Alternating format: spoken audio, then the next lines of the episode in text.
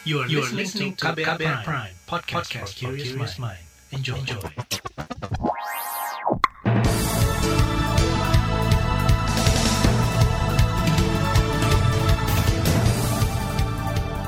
Selamat pagi saudara, senang sekali kami bisa menjumpai Anda kembali melalui program Buletin Pagi edisi Jumat 8 Januari 2021 bersama saya Sindu Darmawan. Sejumlah informasi pilihan telah kami siapkan di antaranya. Perekonomian nasional diperkirakan terdampak kebijakan pembatasan di Jawa Bali. 100 juta dosis vaksin COVID-19 kantongi sertifikat dari Badan POM. Polda Papua tangkap jaringan penyelundup senjata api ilegal dari Filipina. Inilah Buletin Pagi selengkapnya. Terbaru di Buletin Pagi. Saudara, pemerintah optimistis perekonomian Indonesia di kuartal 1 tahun ini akan tetap aman, meskipun ada pemberlakuan pembatasan kegiatan masyarakat PPKM di sebagian wilayah Jawa Bali mulai 11 hingga 25 Januari mendatang.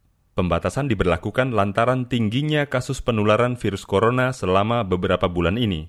Nantinya, tidak semua daerah di Jawa Bali akan menerapkan kebijakan ini hanya daerah-daerah tertentu yang memenuhi kriteria seperti di DKI Jakarta.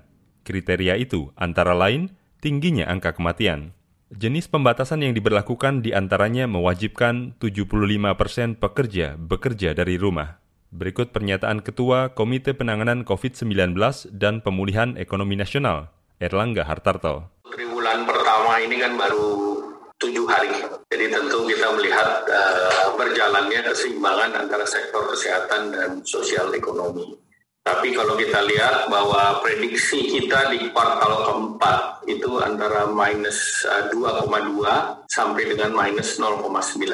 Nah, kita cukup optimis dan uh, proyeksi sampai akhir tahun itu uh, di kisaran 5 persen. Ketua Komite Penanganan COVID-19 dan Pemulihan Ekonomi Nasional, Erlangga Hartarto mengklaim saat ini geliat pasar modal mulai pulih meski sempat turun di 2020. Selain itu, nilai tukar rupiah terhadap dolar Amerika juga semakin menguat. Erlangga menegaskan pemerintah tetap memerhatikan dampak ekonomi meskipun membatasi kegiatan masyarakat. Semisal dengan menyalurkan bantuan langsung tunai BLT kepada 12 juta pelaku UMKM.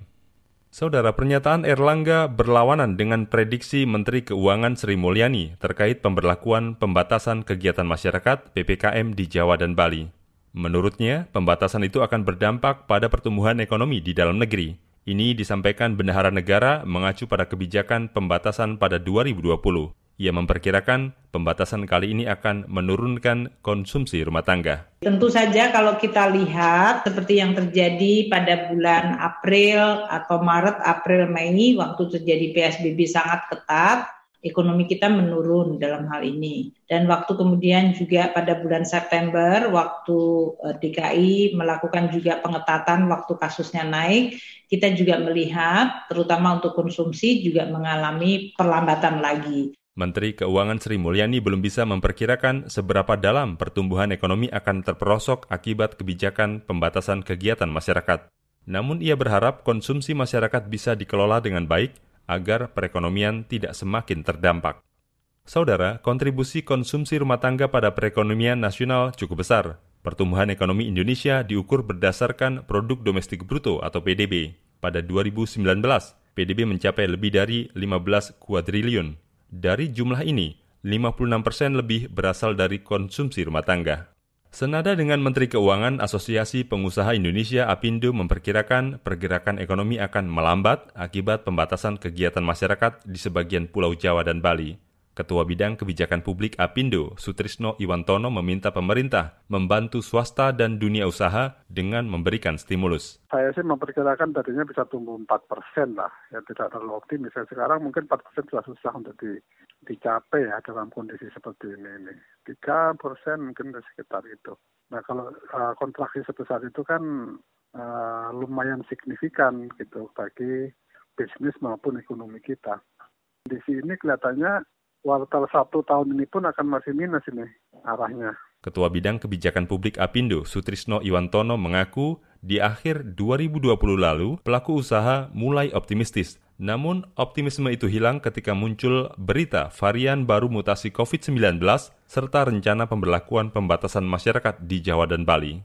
Menurutnya, Hal ini akan berdampak pada turunnya keyakinan pelaku usaha dan investor. Sementara itu, bagi Kamar Dagang dan Industri Kadin DKI Jakarta, pembatasan kegiatan masyarakat menjadi pukulan telak bagi dunia usaha. Menurut Ketua Kadin DKI Jakarta, Diana Dewi, kondisi yang berat akan kembali dialami seperti awal PSBB tahun lalu. Diana berharap pemerintah Provinsi DKI bisa sedikit meringankan kebijakan agar ekonomi tidak terpuruk lebih dalam lagi pada dasarnya sih eh, kita merasa berat dengan kondisi yang akan diberlakukan. Cuma kalau kita juga melihat kenaikan yang yang terdampak itu ya kita mau tidak mau harus menerima. Tapi kita berharaplah bahwa jangan sampai seperti yang uh, diterapkan pada saat awal-awal uh, PSBB. Ini yang yang kami mengharapkan seperti itu. Jadi ada klaster-klaster yang PSBB diperketat awal itu masuk ke dalam kategori yang diperbolehkan gitu Mas. Ketua Kadin DKI Jakarta Diana Dewi memperkirakan pencanangan target di awal tahun berpotensi gagal akibat pembatasan kegiatan masyarakat omset para pelaku usaha di ibu kota pun akan semakin menurun. Kondisi ini cukup membuat cemas pelaku usaha yang saat ini tengah menata kembali semangat di tahun yang baru. Sementara itu, Lembaga Pemantau Ekonomi Indef menilai kebijakan pemberlakuan pembatasan kegiatan masyarakat PPKM diprediksi akan berdampak berat terhadap pertumbuhan ekonomi di tanah air. Apalagi, menurut Direktur Eksekutif Indef, Tauhid Ahmad, Jawa dan Bali merupakan wilayah penyumbang produk domestik bruto PDB terbesar. Adalah tentu saja karena Jawa Bali itu 60 persen dari PDB nasional, itu saya kira akan membuat perekonomian kita akan kembali negatif di kuartal pertama tahun 2020-2021 year on year. Karena 2020 kita masih positif, artinya apa ya, pasti perekonomian kita akan jauh lebih berat di awal tahun ini dengan situasi pemberlakuan PSBB. Direktur Eksekutif Indef, Tauhid Ahmad memperkirakan pembatasan kegiatan masyarakat tidak hanya berdampak pada pergerakan perekonomian di Jawa dan Bali saja. Daerah lain juga akan merasakan dampaknya, sebab mayoritas industri berada di Jawa dan Bali. Indef meminta pemerintah menjalankan kebijakan pembatasan ini lebih efektif, seperti dengan segera menyalurkan bantuan sosial kepada masyarakat untuk menjamin kehidupan selama pemberlakuan pembatasan. Saudara, 100 juta dosis vaksin COVID-19 dari Bio Farma memperoleh sertifikat produksi dari BPOM. Informasinya akan hadir usai jeda, tetaplah di Buletin Pagi KBR. You're listening to KBR Pride, podcast for curious mind. Enjoy!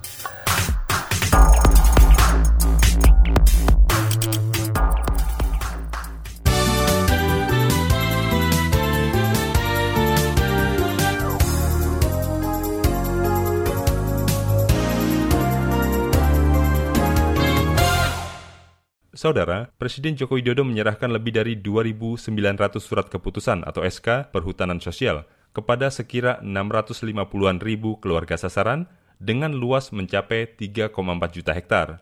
Penyerahan dilakukan Kamis kemarin. Perhutanan sosial adalah sistem pengelolaan hutan lestari yang dilaksanakan di kawasan hutan negara atau hutan adat oleh masyarakat untuk meningkatkan kesejahteraan, keseimbangan lingkungan, dan dinamika sosial budaya. Jangan sampai sudah dapat SK ini kemudian dipindah tangankan ke orang lain. Hati-hati, hati-hati. Saya ikuti. Meskipun dari Jakarta saya bisa mengikuti ini. Dimanfaatkan untuk menanam tanaman-tanaman yang produktif yang memiliki nilai ekonomi. Setiap daerah itu berbeda-beda. Silahkan. Saya kira kan banyak sekali komoditi yang bisa dikembangkan di kesempatan yang sama, Presiden juga menyerahkan 35 SK hutan adat seluas 37.000 hektar dan 58 SK pemanfaatan tanah objek reforma agraria atau TORA seluas 72.000 hektar di 17 provinsi. Presiden mengklaim SK ini menjadi salah satu jawaban atas maraknya konflik dan sengketa lahan. Catatan Konsorsium Pembaruan Agraria KPA kasus konflik agraria pada 2020 sebanyak 240 kasus. KPA menyebut 19 warga mengalami penganiayaan, 139 dikriminalisasi, dan 11 meninggal akibat konflik agraria. Konflik terjadi dengan TNI, Polri, Satpol PP, dan perusahaan. Dewan Pengawas Komisi Pemberantasan Korupsi KPK, Dewas KPK, menerima ratusan pengaduan dari masyarakat selama 2020. Anggota Dewas KPK Artijo Alkostar mengatakan pengaduan masyarakat itu terkait pelaksanaan tugas dan wewenang KPK yang akan ditelaah dan atau diklarifikasi.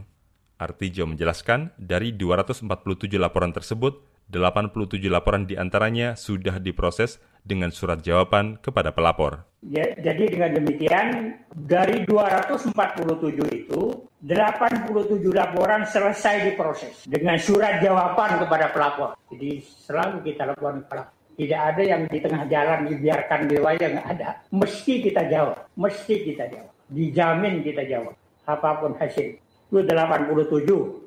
67 laporan diteruskan ke unit terkait. Jadi misalnya tentang penyelidikan. Anggota Dewas KPK Artijo Alkostar menambahkan ada 100 laporan yang dijadikan arsip.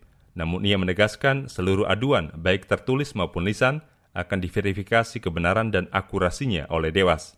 Berdasarkan Undang-Undang tentang KPK, Dewas KPK diberi tugas mengawasi pelaksanaan tugas dan wewenang KPK, memberikan izin atau tidak memberikan izin penyadapan, penggeledahan, dan atau penyitaan, menyusun dan menetapkan kode etik.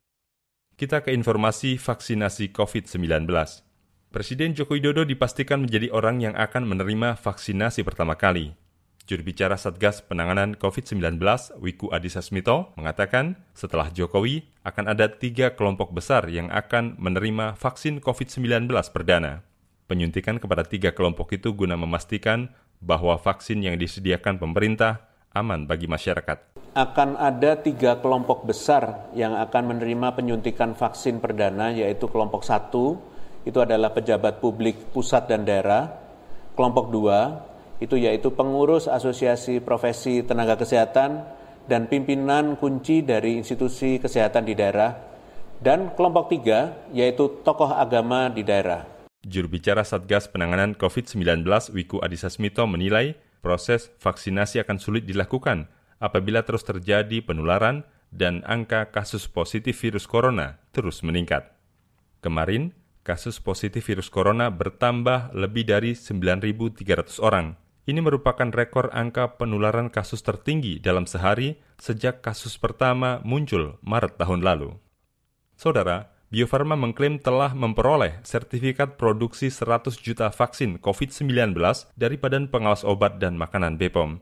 Hal ini disampaikan Menteri Badan Usaha Milik Negara BUMN Erick Thohir secara virtual di Bandung, Jawa Barat kemarin. Kata dia, saat ini Bio Farma tengah mengupayakan agar 150 juta vaksin juga mendapat izin yang sama. Karena itu saya cek juga kesiapan produksi. Alhamdulillah Bio Farma juga sudah mempersiapkan dengan baik.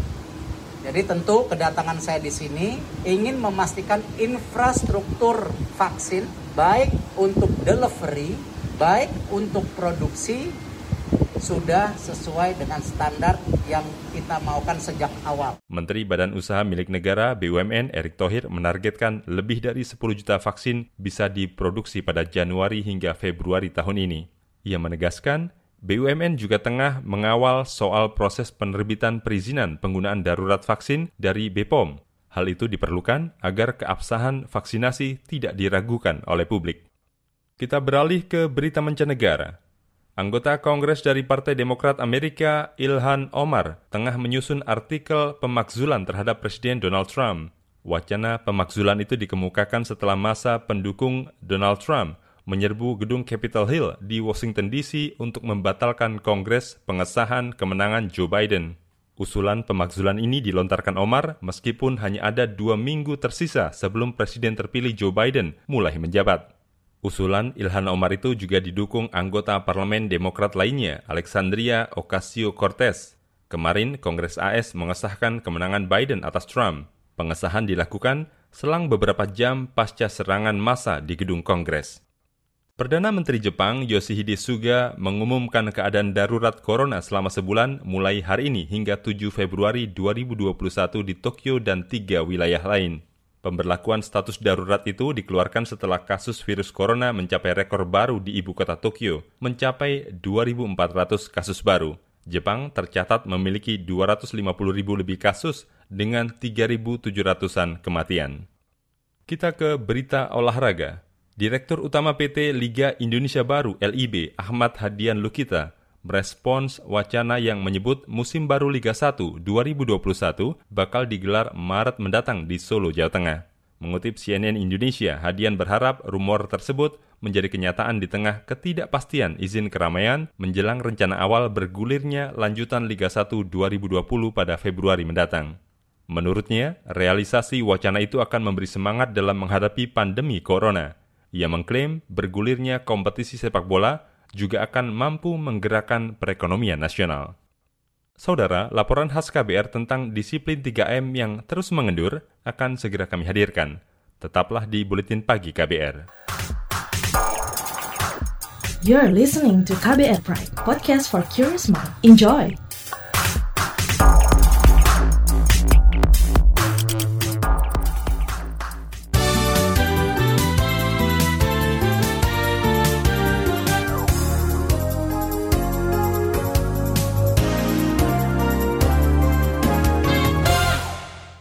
Anda masih bersama kami di Buletin Pagi KBR. Saudara, longgarnya disiplin protokol kesehatan di masyarakat kembali jadi sorotan. Kegiatan mengundang kerumunan terus bermunculan dan berpuncak pada momen libur panjang akhir tahun. Hasilnya, lonjakan kasus tak terkendali yang terlihat jelas dari penuhnya fasilitas kesehatan. Kepatuhan masyarakat yang labil ini dinilai terkait erat dengan strategi perubahan perilaku. Simak laporan tim KBR yang disampaikan Astri Yuwanasari. Masker itu 2 jam sampai 3 jam sekali ganti baru. Terus hand sanitizer jelas bawa terus mana-mana. Cuman kalau memang keadaan di luarnya memang kayaknya di tempat gue liburan pada bodoh amat kayaknya. Vino tengah bercerita tentang suasana liburan di sejumlah kawasan wisata di Yogyakarta akhir tahun lalu. Banyak warga keluar rumah melepas penat dengan berwisata. Namun tak sedikit yang seakan lupa bahwa situasi masih pandemi. Protokol 3M yakni mengenakan masker, mencuci tangan, dan menjaga jarak sering dilanggar rame-rame aja, boro-boro uh, darat. Tetap aja, rame banget, padat. Los lah pokoknya lah. Penegakan protokol kesehatan atau prokes di dalam lokasi wisata pun cenderung longgar. Kayak di pantai gitu, sebelum masuk itu ada petugas ngingetin untuk sebelum masuk wisata pantai itu sudah cuci tangan, kalau nggak pakai hand sanitizer, ada itu masker wajib dipakai. Udah masuk pantai dalam ya nggak ada. Turunnya kepatuhan masyarakat terhadap 3M juga menjadi perhatian Presiden Joko Widodo. Dalam rapat bersama menteri dan para gubernur Rabu lalu, Jokowi menyinggung hasil kajian terbaru tentang disiplin prokes. Kepala negara lantas memerintahkan pembatasan sosial berskala besar atau PSBB diperketat lagi. Dari survei yang kita lakukan, sekarang ini motivasi disiplin terhadap protokol kesehatan masyarakat itu berkurang. Memakai masker, cuci tangan, jaga jarak, ini berkurang. Oleh sebab itu saya minta kepada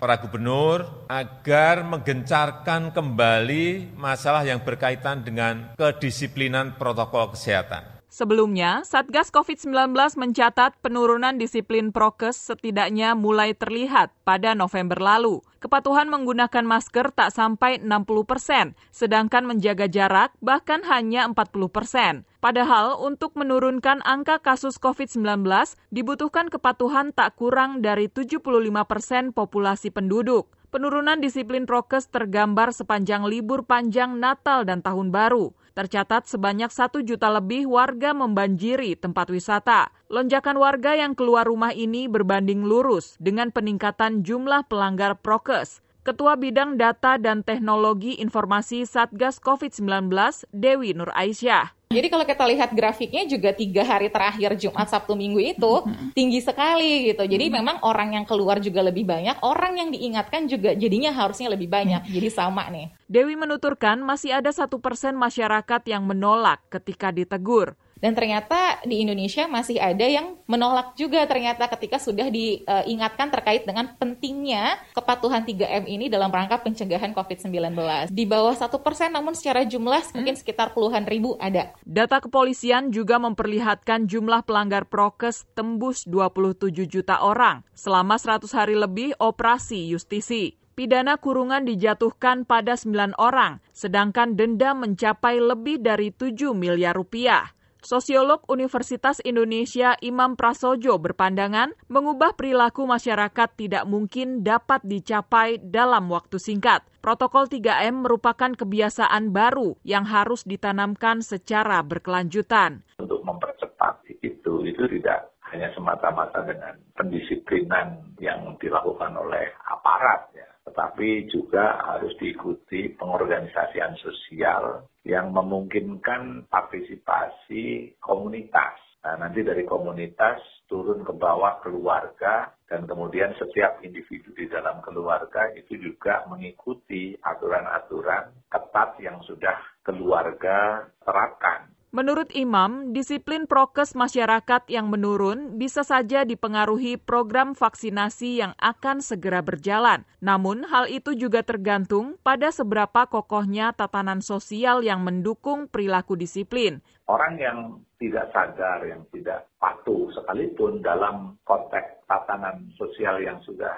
mantap ya, sudah disiplin, maka suka tidak suka Anda ikut. Sama saja Anda yang sebetulnya orangnya tidak disiplin, tapi masuk ke kantor yang menerapkan protokol kesehatan dengan disiplin, maka dia suka tidak suka dia akan ikut. Kata dia, pemerintah perlu menggencarkan pendekatan budaya dan struktural agar terbentuk perubahan perilaku masyarakat yang berkelanjutan. Gabungan antara kesadaran diri dengan pendekatan struktural. Nah, pendekatan struktural di sini kan yang membangun regulasi yang diterapkan oleh kekuatan birokrasi, kantor, birokrasi masjid, gereja, birokrasi pasar tradisional, birokrasi mall. Nah itu yang saya maksud dengan kekuatan struktur harus dibangun. Jadi tidak mengandalkan pada himbauan-himbauan yang sasarannya adalah meningkatkan kesadaran. Demikian laporan tim KBR, saya Astri Yuwanasari. Informasi dari daerah akan kami sajikan usai jeda. Tetaplah di Buletin Pagi KBR.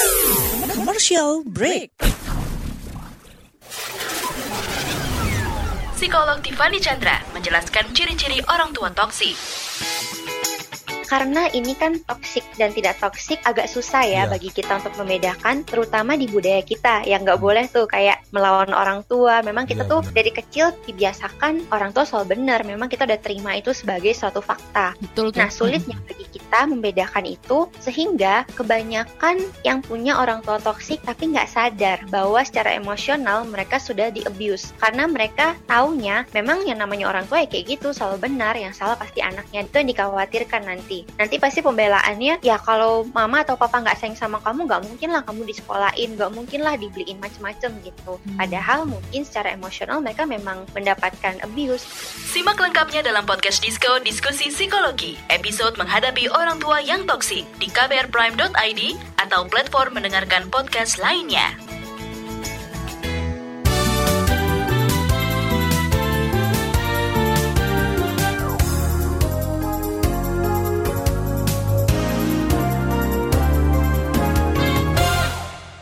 Inilah bagian akhir buletin pagi KBR. Saudara Polda Papua menangkap dua orang jaringan penyelundup dan pemasok senjata api atau senpi ilegal dari Filipina ke Papua. Keduanya ditangkap pada November lalu dan awal tahun ini. Kapolda Papua Paulus Waterpo menduga senjata api ilegal itu dijual kepada kelompok bersenjata di Kabupaten Intan Jaya. Diketahui dia dari Filipina lewat seorang ibu yang ada di sana ya. Itu nanti kemudian dibawa ke. Kapolda Papua Paulus Waterpo menyatakan salah satu tersangka merupakan pengurus organisasi Pro Papua Merdeka wilayah Intan Jaya. Menurutnya, tersangka aktif melakukan propaganda di media sosial lewat isu dugaan pelanggaran HAM oleh aparat keamanan dan penolakan kelanjutan otonomi khusus Papua. Kita ke soal lain. Terpidana kasus terorisme Abu Bakar Ba'asyir hari ini akan bebas murni dari lapas Gunung Sindur Bogor, Jawa Barat. Abu Bakar Bashir akan bebas setelah menjalani hukuman 15 tahun penjara dipotong 55 bulan remisi. Pada 2011 lalu, Bashir difonis 15 tahun penjara oleh Pengadilan Negeri Jakarta Selatan. Majelis Hakim menyatakan Bashir terbukti terlibat dalam tindak pidana terorisme. Ia juga terbukti merencanakan dan menggalang dana untuk pembiayaan pelatihan militer di Aceh. Kapolda Jawa Tengah Ahmad Lutfi meminta masyarakat tidak melakukan kerumunan saat penyambutan Abu Bakar Basir. Menurut Lutfi, keluarga Basir sudah menyatakan maklumat himbauan kepada masyarakat agar tidak datang ke rumah. Saat mengunjungi komplek Brimob Kompi 3 Batalion C Pelopor di Boyolali, Lutfi menegaskan personil TNI Polri di Jawa Tengah melakukan pengamanan seperti biasa. Nggak ada, biasa saja. Jadi kita gatur aja, karena uh, dari uh, Sewu, dari mana itu? Dari yang punya hajat atau yang punya rumah dari keluarga sudah bikin maklumat bahwa nanti diimbau untuk tidak datang terkait dengan uh, masyarakat. Jadi sudah ada maklumat dari keluarga yang telah diedarkan di media sosial. Untuk TNI Polri kita mengamankan secukupnya. Sementara itu dari pantauan pengamanan di Solo maupun jalur menuju lokasi Ponpes Al Mukmin Ruki Sukoharjo tampak biasa. Warga beraktivitas normal. Ada sejumlah spanduk atau poster yang berisi sambutan kedatangan Abu Bakar Basir Jumat besok di jalur menuju Ponpes Keruki. Dari Solo, Jawa Tengah, Yuda Satriawan, KBR. Saudara, informasi tadi menutup jumpa kita di Buletin Pagi KBR hari ini. Pantau juga informasi terbaru melalui kabar baru, situs kbr.id, Twitter kami di akun @beritaKBR, serta podcast di alamat kbrprime.id. Akhirnya, saya Sindu Darmawan bersama kerabat kerja yang bertugas undur diri. Salam.